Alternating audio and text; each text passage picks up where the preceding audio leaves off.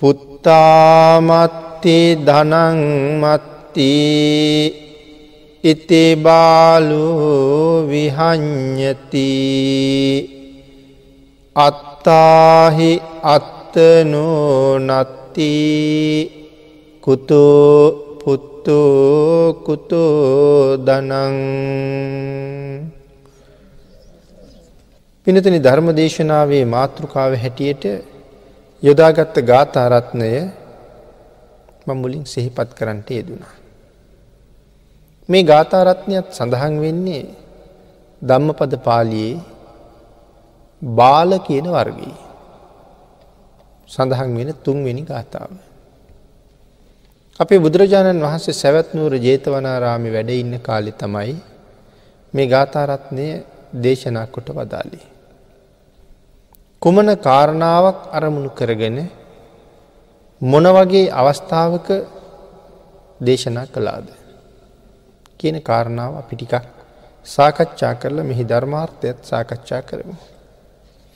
මේ ගාථාවේ සරල තේරුම තමයි මට දරුවන් හා ධනය ඇත්තේ කියල කල්පනා කරමින් මේ අඥ්ඥාන පුද්ගලයා කටයුතු කළත් ඔහු දන්නේ නෑ ඔහුට ඔහුවත් නැති බව.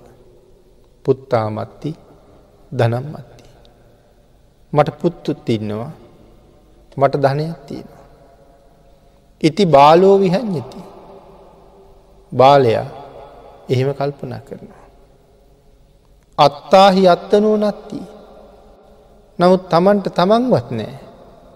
කුතෝ පුත්තු කුතෝ ධනං කවර පුතුන්ද කවර ධනේද. එක තමයි මේ ගාථාව සඳහන් වෙන්නේ. අපේ බුදුරජාණන් වහන්සේ සැවත්නුවර ජේතවනාරාමි වැඩඉන්න කාලේ සැවත්නුවර හිටිය ආනන්ද කියල සිටුවරෙක්. මේ ආනන්ද සිටුවරයා බොහෝම ලෝබී පුද්ගලෙ. ඔහුට කොයි තරං ධනය තිබුණද.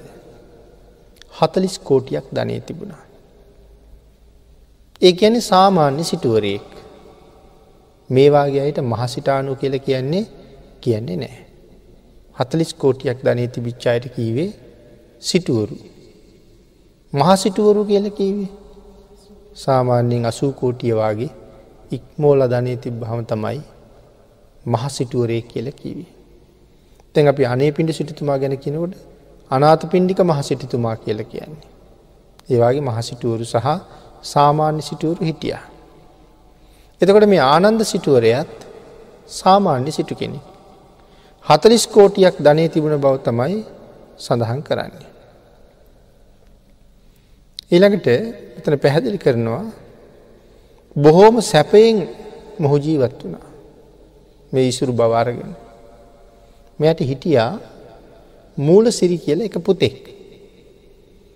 මේ පුතාට හැම වෙලාම මේ තාත්තා උපදෙස් දීල්ල තිබුණේ ධනය වියදන් කරන්න නෙමෙයි ධනය රැස් කරන්න. වියදන් කරන්න වියදන් කරන්න ධනය ඉවර වෙනවා. එහින්ද ධනය වියදන් කරන්න එපා පුළුවන් තරන් ඉතුරු කර ගණ්ඩ රැස් කර ගණ්ඩ කියලම පුතාට නිරන්තරයෙන්ම උපදෙස් සම්බුණා. ඉති මෙහෙම උපදෙස් දෙදී උපදෙස් දෙදී කටයුතු කරපු ආනන්ද සිටුවරයා දවස ආයු කෙරවල මරණයට පත් වනා. ආනන්ද සිටුවරය මැරිල ගිහිල්ල කොහෙ දිපදනේ. සැඩොල් පවුල් දාහක් ජීවත්වෙන ගමක එක සැඩොල් ගෙදරක තරුණියකගේ කුසේ සැඩොල් දඩුවක් හැටියට පිළිසිඳ ගත්තා. හැබැයි මොහු මහා පෞකාර ජීවිතයක් ගෙවපු කෙනෙක්. ඒ පව විපාක දෙන්න ඉපදිච්ච තැනක් මේ සාමාන්‍යෙන් සතරපායන පව විපාක දෙන්න. නමුත් මේ ඉපදිලා තියෙන්නෙත් සැපවිඳින්න නෙමේ මහත් වූ දුක් විඳින්නමයි. එතකොට මේ තැනැත්තියගේ කුසේ මොහු පිළිසිඳ ගත්ත දවසේ ඉඳලා. මේ සැඩොල් ගමට තිබිච්ච ලාභ ප්‍රසංසා ඔක්කොම නැතිවෙන්ට පටන් ගත්තා. ඒ අයගේ ජනජීවිතයත් දවසින් දවස අඩාල වෙන්න පටන් ගත්තා. ආහාර පානාදියෙන් ඒගොල්ලෝ බොහොම දුක්කිත තත්වයට පත්තෙන්ට බත්තා. අන්තිමට සැඩුල්ගමී දැනුමක් අවබෝධයක් තියෙන අයි තීරණය කළා අපේ ගමේ කවුරු හරි පව්කාරය කිප දෙන්න ඉන්නවා. ඒක තමයි අපිට මේ කරදරී. ගමේ කට්ටිය කොටස් කොටස් කැඩුනා. කැඩිලා කොටසින් කොටස කොටසින් කොටස හෙව්වා කවුදේ පව්කාරය කියලා. අන්තිමට හොයාගෙන හොයාගෙනවට ඒගොල්ලු හොයාගත්තා. මෙන්න මේ ගෙදර මෑගේ කුසේ තමයි ඒ පව්කාරය පිළිසිඳගෙන තියෙන්නේ. ඒ නිසා දැන් ඇත් එක්කම මොහෝ අයින් කරන්න ඕනේ. ඒ තමන්ගේ ගමින් අයින් කලාට පස්සේ නැවතවතාවක් ඒ අයට පෙරසේ ජීවත්වෙන්ට පුළුවන් වුණා. කරන්න දෙයක් නෑ අම්මට දරුව බිහි කරන්න එපෙයි. ඇය දරුව බිහි කළා. දරුව නිසා ලොකු මහත්වෙනකං හැදවා. හදල යමක්කමක් කරගණ්ඩ පුළුවන් වයිසට එනකොට මේ සැඩොල් අය හිඟමනේ යන ජාතිය පිඟානක් මෙයාගේ අතර දීලා කිව අදින් පස්සේ උඹ හිඟමනේ ගිහිල්ල ජීවත්වන. උඹ මහ පව්කාරයි. හැබැයි මෙයාගේ ඇස් පිහිටියේ ඇස් පිහිටන්ඩ ඕන තැන නෙමෙයි. කට පිහිටියේ කට තියෙන් ඕන විදිහට නෙවෙයි. කං නාසා තියෙන් තැන් වෙනස් වෙනස් විදිහර තමයි පිහිටියේ. ඒද බොහෝම අප්‍රසන්න පෙනුමක් මෙයට තිබුණේ. මෙ අයිතින් දැන් වීදී දිගින්දිකට දිගින්දිකට හිඟමනය යනවා. මෙයට ආහාර පාන ලැබෙන්න්නෙත් බොහොම අඩුවෙන්. ඒ නිසා එක දවසක් මෙයා හිඟමනේ යන ගමන් මූල සිරිගේ ගෙදර ගියා. මූල සිරි කියන්නේ මෙයාගේ පුතාගේ ගෙදර. මූල සිරිගේ ළමයි මිදුලි සෙල්ලං කර කර හිටිය. මූල සිරිත් තාත්තා උගන්නපුදේ හරියටම ක්‍රියාත්ම කරන කෙනෙක්. මූල සිරිගේ ළමයි විරූපී මූුණක් තියෙන මේ මනුසයට හොඳටම බය වුණා. ඒගොලු කෑගහගෙන ගෙට දීවා. ඒගෙදරීමකොත් හම්බුණේ නෑ ඇයි දෙන් දෙපා කියලන තියෙන්. මූල සිරිග සේවකයෝ මේ මනුසයට ගහල ගහල පැන්නවා. දැම් මෙයා ගුටි කාගෙන හෙම්බත් වෙලා පාරට එනකොට බුදුරජාණන් වහස මුණ ගැවුණා. ඒ වෙලා භාගිතුන් වහසේ සඳහන් කලා කවුද මේ ඉන්නේ. මේ ඉන්න ආනන්ද සිටුවරය. මුල සිරිට කතා කළා මූල සිරි මේ උඹේ තාත්තා. තාතා ජීවත්ත චැටි ඔබට මතකද. ආංගික ප්‍රතිඵලයක් තමයි මේ තියෙන්නේ. තාත්තගාව තිබුණා මහත් දනස්කන්දයක් හංගල. එව්වා මූල සිරිටවත් දුන්නේ නෑ. ඒ වෙලා මූල සිරිට භාගිතුන් හස සඳහන් කළා මං කියන කාරණාව සැකද මෙයට කතා කරලා ඔබට දුන්නේ නැතුව හංගපු ධනය තියෙන තැන් අහලා හොයා ගන්න කියලා. ධනය තියෙන තැන් පෙන්නවා. මූල සිරිට විශ්වාසයි මේ අපේ තාත්තම තමයි කියලා. හැබැ මූල සිරිහුඟක් බය වුණා. මේකද සංසාරි හැටි. මේකද ලෝභක මේ හැටි. මූල සිරි එදාගින් පස්සේ හොඳට දම් පැම් පූජ කළා. මූල සිරි ධර්මික ජීවිතයකට එළඹුණා. මූල සිරි මේ කාරණාව දැනගත්ත නිසා බොහෝ කුසල් රැස් කරගත්තා. මෙ මේ කාරණාව මුල් කරගෙන තමයි බුදුරජාණන් වහන්සේ මේ ගාථා රත්නය දේශනා කළේ. ආනන්ද සිටුවරයා ජීවත් වෙලා හිටපු කාලි හොයාගත්ත දේවල් ඔක්කෝම මගේ මගේ කියල තමයි කල්පනා කරගෙන හිටිය. තම තානන්ද සිටුවරය දැනගෙන හිටිය නෑ තමන්ට තමන්වත් නෑ කියන බව. ආංගික තමයි භාගිතුන් වහස මේ ගාථාවෙන් සඳහන් කළේ. මේ ලෝක ජීවත් වෙන හුඟක් අය මට අහවල් අහවල් දේවල් මෙච්චර මෙච්චර තියෙනවා කියල කල්පනා කර කර ජීවත්වෙනවා. පුත්තා මත්ති දනම් මත්ති. මට දරුව මෙච්චර ඉන්නවා කියල සතුට වෙනවා. මට නෑදෑයෝ මෙච්චර ඉන්නවා කියල හිතෙනවා. මට කල්්‍යයාන මිත්‍රයෝ ඉන්නවා කියල හිතෙනවා. මට තවත් බොහෝ උපකාර කරන ඉන්නවා කියලා කල්පනා කර කර මාන්‍යයෙන් මත්වෙලා මෝහයෙන් ඉදිමිලා දේශයෙන් යුක්තව මිනිස්සු මේ ලෝකෙ සදාකාලිකෝ ජීවත්තෙන්ට හදනවා. ඒ වුණට එහෙම දෙයක් මේ ලෝකෙ කාටවත් කාටවත් නෑ. රට්ටපාල මහරහතන් වහන්සගෙන් කෝර විරජ්ජරු ඇවිල්ලා කරුණු කීපයක් අහනවා. ඒ අහනත නහනව ස්වාමීණී ඔබහන්ස ඉතාම තරුණ වයිසි. ඇයි මහන වනේ කියලා. මං බුදුරජාණන් වහන්සේගෙන් කාරණා හතරක් ඉගෙන ගත්තා. ආංගේ කාරණා හතර හරියට දැනගත්ත මට ගිහි ගෙදරින් ඕනෙ නෑ කියල හිතුනා. ඒ අහගත්ත කරුණු හතර අතර පැහැදිලි කරනවා මේ ලෝකයේ සත්වයට මගේ කියල කිසිම දෙයක් නෑ. ආගේ කාරණාව මං හොඳටම තේරුම් ගත්ත කියලා. කෝර විරජ්ජුරු අහනවා ඇයි ස්වාමිනි එහෙම කියන්නේ. අපිට අපේ කියල කොච්චර දේවල් තියෙනවාද. ධන සම්පත් තියෙනවා. නොයෙක් යානවාහන ගෙවල්දරවල් ඉඩකඩ මේ ඔක්කො මගේ කියල තියෙනවනි මට. ඒ සියලුම දේවල් තමන්ගේ වුණාට දරමුණ බුරුත් ඉන්නවා මගේ කියලා. ඒ වුණට දවසක මෙහි මැරල යනකොට ඒව අරංයන්ට පුළුහන්ද මහරජ කියල ඇහවා. අනී බෑස්වාමීනි. ඒ හම්බ කරපු හම්බ කරපු දේවල් ඒ ඒ තැංගොලමයි. දරුවෝ ඒ ගොල්ලන්ගේ වැඩ නෑදෑයෝ ඒ ගොල්ලන්ගේ වැඩ ඇසුරු කරපු අය තම තමන්ගේ වැඩ හම්බ කරපු දේවල් ඒ තැන්ගොල නිශ්චලවම තියෙනවා මම විතරක් මේ ලෝක දාලයනවා. ආංඒකයි මහරජය අපේ බුදුරජාණන් වහන්සේ දේශනා කළේ සත්වයට තමන්ගේ කියල දෙයක් ඇත්තෙම නෑ කියලා. තමන්ගේ කියල දෙයක් තියෙනවනන් කෙනෙකුට ඒ තියන්නේ අපි රැස් කරගත්ත කුසල ධර්මයන් විතරයි. අපි ඒ කාරණාවත් මේ ගාථාවෙන් සාකච්ඡා කරමු. මේ අඥ්ඥාන පුද්ගලයා ඉති බාලූ කියල සඳහන් කළේ එකයි.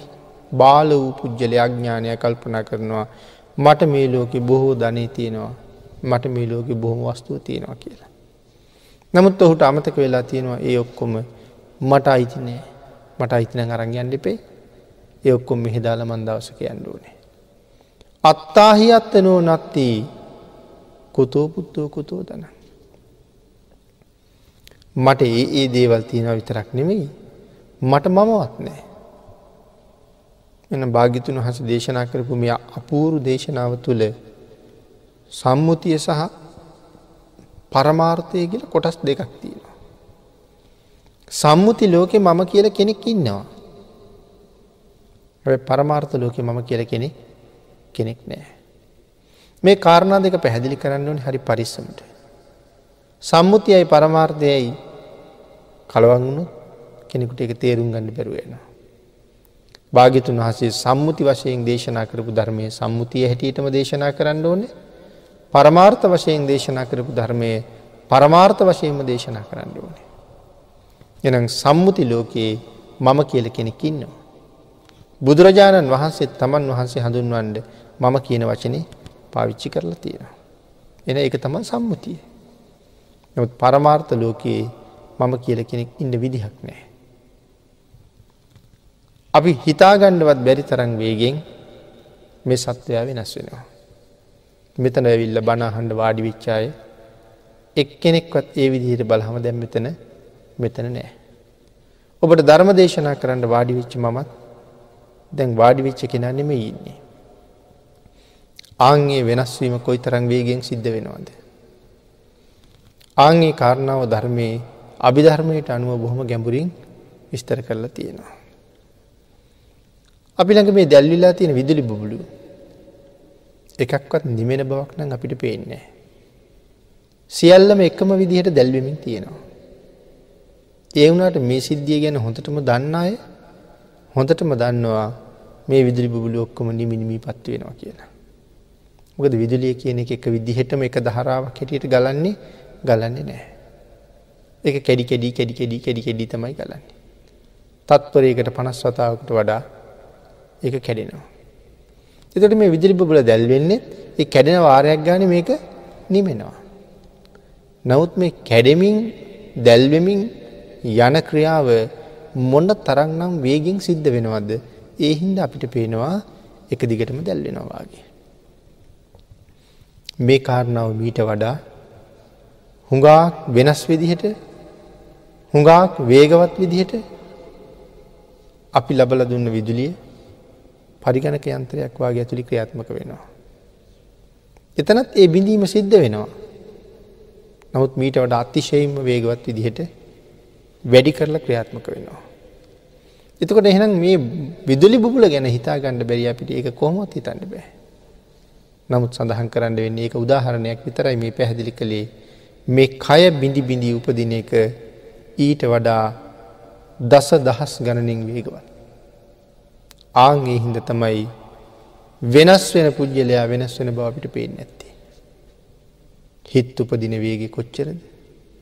රූප කලාප වෙනස් වෙන වේග කොච්චරද. එනම් පරමාර්ථයට අනු කල්පනා කිරුත් මම කියල කෙනෙක් නම් ඇත්තෙම නෑ. ඉස්සරහට අඩියක් තියෙනකොට ඒ පුද්ගලයාගේ නමින් කතා කිරුවත් ටිකිරි බණ්ඩ කියල කෙනෙක් ඉස්සරහට යනවා. හැබැයි සම්මුතියේ නමක් ටිකිරි බණ්ඩ කියල තියෙන නිසා ටිකිරි බණ්ඩ යනවා තමයි. නමුත් මේ කකුල උත්සපු කෙනා නෙමේ යනික් කකුල තියන්නේ. ඒ කකුල තියපු කෙනා නෙමෙයි අනික් කකුල තියන්නේ. මේ කාරණාව හොඳට තේරෙන්ඩ අභිධර්මය කරුණු කාරණාටික ඉගෙන ගණ්ඩුවන මේ සම්බන්ධය. එතොට මේක හොඳට තේරෙනවා. නමුත් එතෙක් මේකේ තරන් තේරෙන්නේ නැතිවෙන්න පුළුවන්. ඒක අප සඳහන් කළේ පරමාර්ථය පිළිබඳ. සම්මුතිය මම කියල කෙනෙක් ඉන්නවා. සම්මුති ලෝකෙ ඉන්න මම ටික ටික වෙනස් වෙන බව මට පේනවා. අරතරං වේගින් වෙනස් වෙන බව පේන්නේ නමුත් ටික ටික වෙනස් වෙන බව අපිට පේනවා. දැන් මෙතන වාඩි වෙලා ඉන්නවා විවිධ වයස් සීමාවල් වල අය. ළමයිනුත් ඉන්නවා. තරුණ වයසේ අයත් ඉන්නවා. මැදියම් වයසේ අයත් ඉන්නවා. සැඳෑ සමය අයත් ඉන්නවා. මේ සැඳෑ සමය ඉන්න අය හොඳට කල්පනා කරහම ඔබට මතක ඇති ඔබී පුංචි කාලේ. වැලිබත්තු යපු කාලයක් තිබුණ. ඉස්කෝලි ගියපු කාලයක් තිබුණ. රස්සාාවක් හෝ හිටපු කාලයක් තිබුණ. ආවාහ විවාහ වෙච්ච දවසක් තිබුණ. අද මෙතින්ට එනකං ආපු කාලි හොඳට මතකයි නමුත් අර කාලින්දල අද මෙතින්ටෙනකොට අපි කොයි තරන්නම් වෙනස් වෙලාද. මැදියම් වයසට ආපු අය කොයි තරම් වෙනස් වෙලාද. එමනම් මේ ලාබාල වයස ඉන්න අයත් දවසක අපි ඉන්න තැනට එනවා හැබැ ඒගොල්ු අපි ඉන්න තැනට එනකොට අපි නෑ. මේගොල්ලු වගේ තව පිරිසක් අලුතෙන් ඇති වෙලා. දෙන සම්මුති ලෝකයේ ක්‍රමක්‍රමයෙන් ක්‍රමක්‍රමයෙන් වෙනස් වේවී වෙනස් වේවී යන බව අපිට පේනවා. ඒ වෙනස් වෙනකොට සියලුම දේවල් වෙනස් වෙනවා. ඇගත් වෙනස් වෙනවා හමත් වෙනස් වෙනවා හිසකෙසුත් වෙනස් වෙනවා ඇස් පෙනුමත් වෙනස් වෙනවා කං ඇහීමත් වෙනස් වෙනවා හිතන්න පුළුවන් ශක්තියත් වෙනස් වෙනවා ශරීර ශක්තියත් වෙනස් වෙනවා මේ සියලුම දේවල් අරගෙන අපි ක්‍රමක්‍රමයෙන් ක්‍රමක්‍රමයෙන් වෙනස් වෙන මගේ කියල දෙයක් ඇත්තෙම ඇත්තෙම නෑ. කෙස් පැහෙනවට අපි කවුරුවත් කැමති වුණේ නෑ. හැබැ කෙස්සොල්ට අපි හරියට හරියට සැලකුවා හේදවා පිස්සා තෙල් ගෑව තවත් නොයෙක් දේවල් ගෑවා තඹ වෙන එක නවත්තන්ට අගින් පුපුරණ එක නවත්තන්ට කොච්චර දේවල්ලට කොච්චර දේවල් කලාද. මොන තරං සාත්තු සප්පායන් සත්කාර කලාද. ඒ මොනව කළත් අපිට ඕන විදිහට ඉන්නවාද. අපිට ඕන විදිහට නඟින්න නෑ. ඒගොල්ලො ඒගොල්ලන්ට ඕන විදිහටමයි ජීවත්වෙන්නේ. පුද්දුමාකී කරුකමක් තියෙන්නේ. කොච්චර වියදන් කරලා කොච්චර පස්ථාන කරලා සත්කාර කරලා ඉල්ලීමක් කරලා තිබුණත් මං අකමැති දවසේ සුදුවෙන් දෙපා කියලා. දන්නෙම නැතුව දවසක ගිහිල්ල බලන්නකොට අපි දකිනව ගහත් දෙකක් සුදු වෙලා. ආයසුමානයක් විතර ගිහිල්ල බලන්නකොට හතර පහක් සුදු වෙලා. එහෙම එහෙම එහෙම එහෙම මං කියපු දේ අහපු බව පේන්ඩම පේන්ඩම නෑ. ඇස් දෙකත් එහෙම කන් දෙකත් එහෙම මූනත් එහෙම දට්ටික කොච්චර මැදල සුද්ධ කරලා පවිත්‍ර කලාද. නමුත් හැමදාම ඉන්නවා දපිකාව. නෑ කාලයක් අපි හැමෝටම පෙන්න්න පෙන්න හිටිය. හැබැයි තව කාලයක් ගිල වේදනා දෙන්න ගත්තහම ගලෝල විසි කරන්න හිතෙනවා. එහෙනම් මට කියලා අයිති වෙච්චි දෙයක් කොහෙවත්ම මේ ශරීරයේ මේ ශරීරයේ නෑ. මේ එකක්වත් මං කියන දේ ක්‍රියාත්ම කරන්න සූදානන් නෑ. ඒ හැම ඉන්ද්‍රියක්ම තම තමන්ට ඕන විදිහට අභාවයට යනවා. එනම් කෙෂ්ටික අභාවයට යම මේ පටන් ගරන්තියන්න. මමත් අභාවයට යනවා. මම අභාවයට යන බව ලෝකෙට හොඳට කියා පෑව මගේ කෙස්්ටික. එයත් අභාවයට කිල්ලා. එතකොට මිනිසු දැනගන්නවා මමත් උගක් වයසක කෙනෙක් කියලා. අනික් හැම ඉන්ද්‍රියකින්මත් ඒක ප්‍රදර්ශනය කළා. ආං ඒ නිසයි සඳහන් කළේ අත්තාහි අත්ත නෝ නත්ති. මට මමවත් නැතිකොට කවර පුතුන්ද කවර ධනේද. එනම් මේ ශරීරයේ පෝෂණය කරන්න පින්නතුන අපි කොච්චර මහන්සි වුණාද කියලා හිතන්නකෝ. නමුත් ඒ ශරීරයේ කොතනද මට අයිති. බලාගෙන ගියහම මේ පංචස්කන්දය කොහෙවත් අපිට අයිති අපිට අයිතිනය අපි ඕන හැටියට ඉන්නේ. ඒ වුණට අපි උදේ ඉඳල රෑවෙන කම්ම වැඩ කරනවා.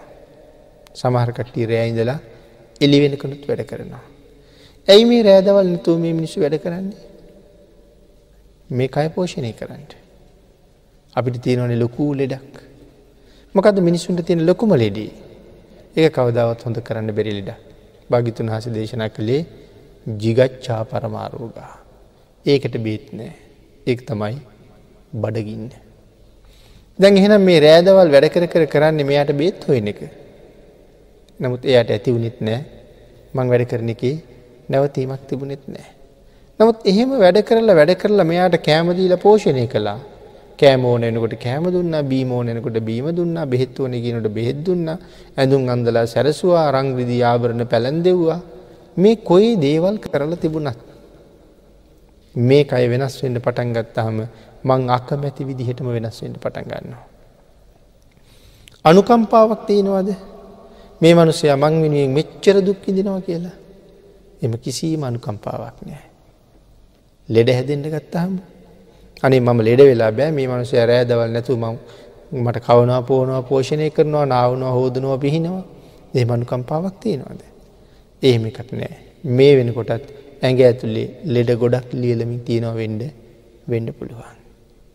එක තමයි ස්වභාවය. මේ පංචස්කන්දය අර්ගෙන අපි මේ ලෝක ඉපදිලා මේක පෝෂණය කර කර ජීවත්වෙනවා.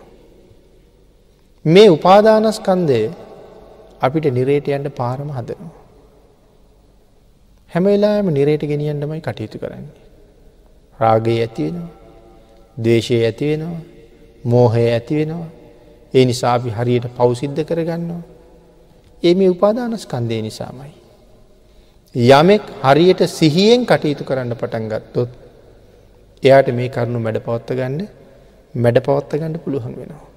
යටපත් කරන්න පුළුවන් වෙනවා. ආන්ගේ මැඩ පවත්වන හැටි යටපත් කරන හැටි කොහොමද කරන්න කියන කාරණාව බුදුරජාණන් වහස අපිට උපදෙස් දීලා තියෙනවා. දවේශය මෙන්න මේ විදියට පාලනය කරන්නට. එතට කොහොමද දේශය පාලනය කරන්න ආගහත පටිවිනය කියන සූත්‍රයේ භාගිතන් වහස ආකාර කීපයක් පැහැදිලි කරනවා. අමාරු ඒක කරන්න. එක තැනක සඳහන් කරනවා මනුස්සෙක් පාරයනවා එයට හුඟක් වතුර තිබහයි. පතුර නෑ. එයට පාරයනකොට හම්බ වෙනවා වතුර වලක්. එක හොඳට වතුර පිරිලා. හැබැයි මතු පිට සම්පූර්ණ දියසෙවෙල්වලින් වැහිලා. වලට කවරුවත් බැහලත් නෑ එහින්ද මංකඩක්වාගේ දෙයකුත් නෑ. බහිනෝනන් ටිකක් මඩේ බහින්න ඕන. බැස්සත් හරිම අප්‍රසන්නයි සම්පූර්ණ දේශවෙල්ලොලින් වැහිලා. නමුත් මෙයාගේ පිපාසේ හරි බලවත්. දැන් මෙයා අර අකමැති වුණත් අර දියසෙවල් ටිකක් එහාට තල්ලු කරලා තල්ලු කරලා එක පාරම් වතුර දෝතක් ගත්තොත් ඒ වතුර දෝතය දියසෙවල් තියෙනවාද එක හරි පිරිසිදු වතුර දෝතක්. ආං එහෙම අකමැත්තෙන් නමුත් දියසෙවල් තල්ලු කරලා වතුර දෝතක් අරගෙන පානය කරගත්තොත් කාටද සනීප පිපාසෙන් හිට මිනිහටම සනීපයි. ආංගේ වගේ තමයි අපේ හිතේ නොයෙක් නොයෙක් කරුණු පිළිබඳව හරියට දේශය උපදිනවා. අපි හින්ද විතරක්ද. කවදාවත් දැකල නැති පාරයන මිනිසු හින්දත් අපිට දේශය උපදිනවා. වැඩ කරන මිනිස්සු පිළිබඳවත් දවේශය උපදිනවා. දේශය ඇතිවෙන්න ඇතිවෙන්න අපිට ඇතිවෙන්නේ අකුසල චෛතසිකයක්. ගෙදර වැඩ කරන කෙනෙක් ගෙදර ළමයෙක් අනවශ්‍ය විදිහට නිදාගන්නන්නවා දැක්කොත් ඒගොල්ලොත් එකින් පිරිහෙනවා. තැන් ඒගොල්ලන්ගේ පරිහානිය ඒගොල්ලන්ට සැර කරන්න ගිහිලා ඊළඟට මගෙත් පරිහානිය. ආයද්දේශය ඉපදෙනවා. නමුත් ඒගොලු නිදාගෙන නිදාගෙන ඉන්නකොට මට කේන් තියෙනවා. කොච්චර හොඳින් කීවත් හොඳින් කීවත් හරියන්නෙත් නෑ. නමුත් මමම කල්පනා කරනවා නම් මමම නැහෙනව මිසක් වෙන දෙයක් වෙන දෙයක් නෑ. ආනිසා ඉවසලා නොදක ඉන්න හරි චුට්ටක හැට ගිහිල්ල ඉන්නවනම් මම අර වතුර උගුර පාවිච්චි කරගත්ත වගේ මටම ලාභයක් කරගත්තා. මේ ආගාත පටිවිනි සූත්‍රයේ සඳහන් කරපු එක එක උදාහරණයක්. තවත් උදාහරණයක් තින එකන ගොඩා ක්‍රියාත්මක කරන්න අමාරු දෙයක්. හැබැයිති සැනසෙන්ඩ පුළුවන්. එතන සඳහන් කරනවා මිනිහෙක් පාරයනවා ය තරී පිපාසෙන් ඉන්නේ. එයාට දැන් අරවිදිහටවත් වතුර වලක් නෑ. යුත්නේ හරක් ඇවිදගෙන ගිහිල්ල හරකුන්ගේ කුරවලට කැඩිල තියෙනවා බිම. හරක් ගියහම අපි දැකල් තියෙන කුරුවලට පොඩිපොඩි වලවල් හැදෙනවා. පොඩි පොද වැස්සක් ගිහිල්ල. අර කුරමලේ වතුර එකතු වෙලා. දැන් ඕක බොන්්ඩ පුළුවන්ද අපිට. ඒක බොන්ඩ හරි අමාරුවනි චූට්ටයි තියෙන කුරවලී. නමුත් මේ මනුසයගේ දිව දැංගිලෙයි දැංගිලෙයි කියන මට්ටම තියෙන්නේ. දැන් ඉවසන්ඩම බැරිතැන අර වතුර ටික හරි බීගත්තොත් කොහොමද කියලා හිතලා මෙයා වලගාව දනගහල කොන්ද නමල ඒ වතුර ටික අතින් ගණ්ඩත් බෑ කෝපිට ගණ්ඩත් බෑ. එහෙමනම් අර කුරවලට නැමිල්ලා යන්තන් දිව තියලා චුට්ටක් හරි ඉහලට ඇදගත්තොත් මොක දැමයාගේ කටේ කෙල හිටන් ගිලල ගිල්ල වේලිලා තියෙන්නේ. ආය යන්තන් උගුර ටිකක්වත් තෙමිල ගියොත් එයට ඇතිවෙන පුදුම සහනයක්. හැබැයි ඒක ඉතින් හරි අමාරුවෙන් කරගණඩ වෙන වැඩක්. නමුත් කරගත්තොත් සහනයක් එහින්ද කේන්තිය උපදින කාරණා නවත්තන්ඩම බෑ එකකින් මගාරණකොට තව දෙකක් එනවා. පුද්දුම සිහියකින් කටයුතු කරලා කොහොමරි කේන්තිය පාලනය කරගත්තොත් තමම්ම තමයි දිනන්නේ. ආන්ගේ හින්ද මේ දේශය කියන එක හරීම භයනකයි. සසර පුරාම යන ඔය දේශය කියන එක. අද පටන්ගත්තාම දිගටම යනවා.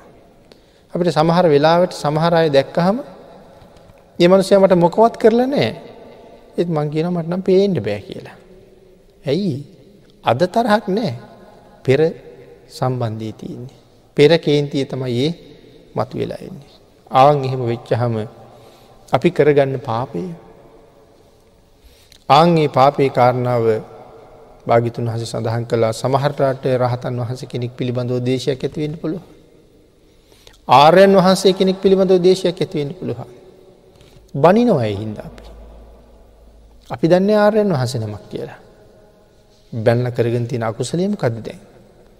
එකට කැන ආර්ය අපවාදය කියලා. සමාව ගන්න තුරු ආය අපිට මේ ජීවිතයන සසරිමි දෙන්න හම්බින්නේ. අපේ ශාසනය එහෙම හොඳ උදාහරණයක් සඳහන් කරනවා. භික්‍ෂූන් වහන්සල පිරිසක් පිණ්ඩ පාති වඩිනවා. පිණ්ඩ පාති ලබාගෙන ආපහු විහාරයට වඩිනවා. එක රහතන් වහන්සේ නමකට කායික අපහසුතාවයක් නිසා උන්වහන්සේට දානෙ නොවලඳා විහාරයට යනකං ඉන්න බැරුව යනවා. එනිසා උන්වහන්සේ තමන් සිංහාගත්ත දාන ටික කොතනවල දහමමකද. ගහක්මුල වාඩි වෙලා දං වල දැන්ට පටන් ගත්තා. එක තරුණ හාමුදුරු කෙනෙක් ඒක දැක්කා. දැකල තරුණ හාමුදුරුව සමච්චලයක් කිරවා. විහාරයට යනකංවත් ඉව සඩ බැරුවවාගේ කියලා. තමච්චලයක් කරගෙන උන්වහස ගිය. හැන්දෑව අර ස්වාමීන් වහන්සේ භික්‍ෂූන් වහසලට කතා කර ලැහවා අර අහවල් ස්වාමීන් වහසට මං එන්ඩ කිව්ව කියන්ට. මහා තෙර නමක් එඩ කීපු හම නැවිල්ල ඉන්ඩ බෑ. ඒන්ද පනිවිඩ ඇවිල්ල තිබුණ මුණ ගැහෙන්ඩ ගියා. මුණ ගැහෙන්ඩ ගිය හම හු ආශ්මතුන් මේ ශාසනය මේ වෙනකට මොකොක්කත් පලයක් ලබල තියෙනවද කියලා.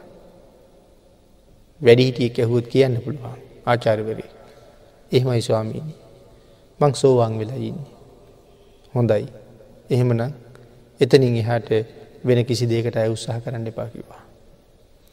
ආංගේ වෙලාවෙ කරුණ දන්න හින්දා උන්වහන්සට තේරුණා එහෙනම් මහස්වාමීන් වහස රහත්තල ඇත්ති. මං උදේ කියපු වචනය වැරදුනා. ඒකයි මට මේ කිව්වේ. වැඳල සමාවිල්ල ගත්තා. එහෙම නැත්තන්ගේ ජීවිතෙන් අය උන්වහසට එයින් හට මාර්ග පලයකට යන්න බැරුව යනව එකට කියෙන වාර්යපවාදය කියලා. එතකොට අපි මේ කේන්තිය පාලනය කරගන්න බැරිවෙච්ච හින්දා පාර යනකොට දකිින් දකින කෙනට බයින්ඩ පුළුවන්. ආංගේ වෙලා ආරයෙන් වහස නමකටත් බැල්ලා තිබුණොත් අපි දන්න මේ බැන්න කාටද කියලා. කාටද පාඩු අපිටයි පාඩු. ආං ඒකයි කොහොම හරි ඉවසීම ප්‍රගුණ කරලා තමන්ගේ ජයග්‍රහණය හොයා ගණඩ කියල කියන්නේ. අං ඒ නිසා තමාව සුරක්ෂිත කරගන්න එක තමන්ට බොහොම වටිනවා. භාගිතුන් හස දේශනා කරප එක ගාතාරත්නයක් තියෙනවා මේ ධම්ම පද පාලියම තව තැනක. අත්තානං මේ පියන් ජඥා රක්කෙයියානං සුරක්කිතන්. තින්න මං්්‍ය තරං යාමං පටි ජග්ගෙය පණ්ඩිතෝ. අත්තානං වීපියන්ජඥා. මේ ලෝක ජීවත් වෙන හැම කෙනෙක්ම තමන්ගේ ආත්මයට හුඟාක් ආදරය කරනවා. තමන්ගේ ආත්මයට බොහෝම ප්‍රියයි. තමන්ගේ ආත්මයට ප්‍රියයි නං ඒ පුද්ගලය කවදාවත් කැමති වෙයිද මේ ආත්මය ගෙන හිල්ල ගිනි ගොඩ උපදිනවට. මේ ආත්මය ගිහිලා ලෝදිය හැලියෙක උපදිනවට. මේ ආත්මය ගිහිලා තිරසනෙක් වෙලා උපදිනවට. එහෙනම් බණහනෝ බොවත් බණ කියන මමවත් ඒකට නම් කැමති නෑ.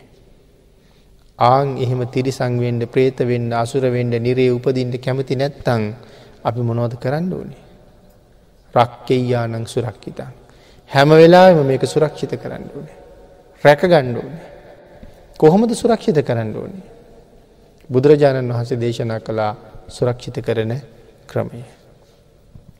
ඒ ක්‍රමය තමයි නිති පන්සිල් ආරක්ෂා කර ගණ්ඩුවනේ. දිවිහිමියෙන් තෙරුවන් සරණයන්න ඕනේ. අපි කතා කිරුවා දේශය පිළිබඳව මේ දේශය හැමවෙලාෙන් පාලනය කරන්න ඕනේ. යම් කෙනෙක් දේශ සහිත හිතින් මැරුණු කවරු වෙලා ඉපදෙනවා කියල සඳහන් කළේ. එක්කො නිරයේ එහෙම නැත්තං විස සහිත සර්පයෙක්. නයෙක් පොළගෙක් කුණකටුවෙක් මාබිලෙක් ගෝනුස්සෙක් දියමකුළුවේ මේ වගේ වෙලා ඉපදෙන්නේ මේ කේන්තිකාරයෝ. කේන්තිකාරයෝ යන තැන් කෙල සඳහක් කරන මැරෙන වෙලා විද්දේශ සිතක් පහළ වුණොත්. ඊළඟට එහෙම නැතිවුණොත් මහ භයානක යක්ෂයෙක් වෙලා ඉපදෙනවා. දේශය හින්දා. ඒකයි භාගිතුන් වහස දේශය පාලනය කරන්න මේ තරම්ම මෙ තරම්ම කරුණු සඳහන් කරලා තියෙන්නේ. එතකොට මැරෙන වෙලාවේ අපේ අයට දේශයක් එන්නේ නෑ කියල පූර්ණ විශ්වාසයක් තියෙනවාද. ආංඒකට ප්‍රතිවිරුද්ධ දෙයක් භාගිතුන් හස දේශනා කළම්කක්ද මෛත්‍රිය. එතකට මරණ මංචගේ මෛත්‍රී වඩන්න පුළුවන් වීද. එහෙනම් දැන් දේශය පාලනය කරලා අද මෛත්‍රී පුරුදු කරලා තියන්ටුවනේ. තමහර කෙනෙකුට හිතෙන්ට පුළුවන් නෑමන් තරහගන්නතු මැරෙන්න්න කියලා. ඒවනට හිතල බලන්ඩකෝ ඔළුව කැක්කුම හැදුන හම කොච්චර තරහයි නොද කියලා. වටා පිට විඤ්ඥය කෑකෝ ගහනුව හුණු ඒත් කේන්තියනවා. ගුවන් විදිලියන්ත්‍රේ හඬවත් ගෙදර වැඩි කරලා තිබුණ ඒත් කේන්තියනවා. සමහරකට්ටි කියන මගේ කල්ලා පොළොව ගහුව කියලා. දෙළමයි ඒක වැඩි කරනවා මෙයට ඔළුව කැක්කුම ඒකැන හිසේ කැක්කුම ඒ තරම් වේදනාවයි. බඩේ කැක්කුමක් තදයට හැදුණොත් ඒත් කේන්තියනවා. උන ගැවුණ හම් ඒත් කේන්තියනවා. මතක තියගණ්ඩ ඕනේ මැරණ වෙලාවට ත්‍රී දෙනවා කියන එක. අපි කවරුවත්තාව මැරල බැලුවෙන ෑන නමුත් ධර්මී තියෙනවයි කාරණාව. අනාත පින්ඩික සිටිතුමා මරණාසන්න වෙලාවේ. මරණාසන්න අත්දැකීම මරණාසන්න වේදනාව සැරියොත් මහරහතන් වහන්සේට පැහැදිලි කරනවා. ජානුස්සෝනි කියන බ්‍රහ්මණයත් ඒ කාරණාව පැහැදිලි කරනවා. අගේ නිසා මැරෙනකොට රිදෙනවා. කොහොමද සඳහන් කළේ මගේ හිස් මුදුනට කුළු ගෙඩියකින් ගහනවා වගේ රිදෙනවා කිවා. මගේ ඇඟ ඇතුළ බඩ ඇතුළ ලූුණු ගෙඩියක් ලියනවා වගේ ඇඟ ඇතුළෙ තාම හීනියට කෙනෙක් කපාගෙන කපාගෙන යනවා වගේ වේදනාවක් දැනෙනවා කිව්වා. ශක්තිමත් දෙන්නෙක් මේ බෙල්ලට වරපටයක් දාලා දෙපැත්තට අදිනකොට කොච්චර වේදනාවද එහෙම වේදනාවක් දැනෙනවා කිව්වා. මේවාගේ මේවාගේ වේදනාවල් පැහැදිලි කරනකට රහතන් වහස තේරුම් ගත්ත මේ විස්තර කරන්නේ මරණාසන්න වේදනාවයි මේ අතා වැඩි වෙලා ජීවත්වෙන්නේ නෑ කියලා. දැන් හිතන්න කොතකොට බඩේ කැක්කුමත් ඇතුන හම එච්චර තරහවුනා නං හිසේ කැක්කුම හැදෙනකොට එච්චර කේන්ති ගියානං මේවාගේ වේදනාවක් දැන්න වෙලාට අපි කේන්තියන් නැතිවෙයිද. අර චූටියක ඉවසන්ඩ බැරි වුණාන. අනික ඒක පුරුදුයි වඩේ කැක්කුම කීපවතාවක් හැදිල තියෙනවා. හිසේ කැක්කුම සීමාවක් නෑ හැදිල තියෙනවා. එමට මරණාසන්න වේදනාව ජීවිත එක පාරයි දැනන්නේ. එක අලුත්ම එක ආං එදාට ඇතිවෙන වේදනාව කොයි වගේද. ආංගේ වේදනාවෙන් දේශ සිතක් සහිතව මරණයට පත්වනොත් උපදින්න වෙන තැන් ගැන තමයි අර සඳහන් කළේ. මේ මේකට ප්‍රතිවිරුද්ධ කාරණාව තමයි මෛත්‍රිය කියල සඳහන් කළේ එකයි ඒක දියුණු කරලා දියුණු කරලා දියුණු කරලා තමන්ගේ ශරීර අභ්‍යන්තරී තියෙන සියලුම වේදනාවල් අයිංකර ගන්න පුළුවන් තැනට ඒක සම්පූර්ණ කරන්න ඕනේ. එක දියුණු වෙච්චාව එහෙම පුළුවන්. කයි යම් වේදනාවක් තියෙනවද ඒ වේදනාව අයින් කරන්න පුළුවන් කයි. ආං ඒක පුද්ගලයා මරණාසන්න වේදනාව එනකොට ඒ වේදනාව කයින් අයින් කරලා තමන් කරපු කුසල් දහම් සිහිපත් කරගන්නවා. ආංගේ ආරක්ෂාව පුද්දුම විදිහට අපිට තියෙනවා. අගේ නිසා මේ ගාථරත්නය සඳහන් කළා අපිට වෙන කවුරුවත් නෑ මේලෝකි. එහෙමනම් කවර පුත්තුද කවර ධනයද මට මමත් නැතිකොට.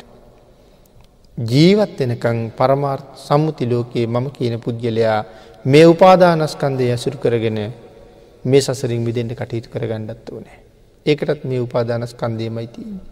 එයාව පෝෂණය කරලා එයාව පුරුදු කොන් පුරුදු පුහුණු කරන්න ඕන ඇතින්ට. එහෙම කටයුතු කර කර මේ උපාදානස්කන්දේ හැමවෙලයි මම සසරට ඇදගණ්ඩයි හදන්නේ. නමුත් මේ උපාදානස්කන්දය මරගෙන සසරින් ගැලවෙන වැඩ පිළිලකට යනවා කියන එක පහසුනෑ කියන එක අපි දන්නවා. ඒක උඩු ගම්බලා යෑමක්. නමුත් කෙනෙක් අඩියක් දෙකක් හරි උඩුගම් බලා අඩිය තියෙනවා නං එයා ගොඩක් සැනසෙන කෙනෙක්. අනික් අය පහලට ඇදෙනකොට ඔහු ටික ටික ඉහලට ඇදෙන ක්‍රමය ආරම්භ කරලා තියෙන. ආං එවන් ජීවිතයක් පෝෂණය කරන්න ඒ සඳහා අවවා දනු ශාසනා ලබන්ඩ හොඳ බුද්ධාන්තරයකයි මේ ජීවිතය අපිට හම්බෙලා තියෙන. අබුද්ධෝත් පාද කාලයක ඉපදුනානං මිත්‍යාදෘෂ්ටික කුලේක ඉපදුනානං ඒ අවවා දනු ශාසනා අපිට ලැබෙන එකක් ලැබෙන එකක් නෑ ලැබුණත් අපි පිළිගන්න එකකුත් නෑ. පෙරපින් නිසා ලැබිච්ච ශ්‍රේෂ්ඨ ජීවිතයක්. මේ ජීවිතය බොහොම දුක් සහිතයි. බොහොම වේදනාත්මකයි. ආංගේ දුකින් එතර වෙන පාරයි භාගිතුන් වහස දේශනා කළේ. දුකින් පිරිච්ච සංසාර සාගරයේ තරණය කරන්න භාගිතුන් වහස අපි ගවට පාකර ලැවල තියෙනවා අපුරු නෞකාවක්. ආගේ නැවට කිව්වේ භාගිතුන් වහසගේ ධර්මය. මේ ධර්මය නැමති නැවට නැග ගොඩවෙච්ච කෙනාට සංසාරය නැමති සාගරයේ තරණය කරන්න පුළුවන්. උත්සාහ කරන්න කොහොමරි මේ යාත්‍රාවෙන් සසර කෙරවල හොයන්ඩයන්ට. ඒ සඳහා ඔබ සියලු දෙනාටම මේ රැස් කරගත්ත මහානු භාව සම්පන්න කුසලය තවත් ලොකු ශක්තියක් ආශිරුවාදයක් වේවා කියල ප්‍රාර්ථනා කරන.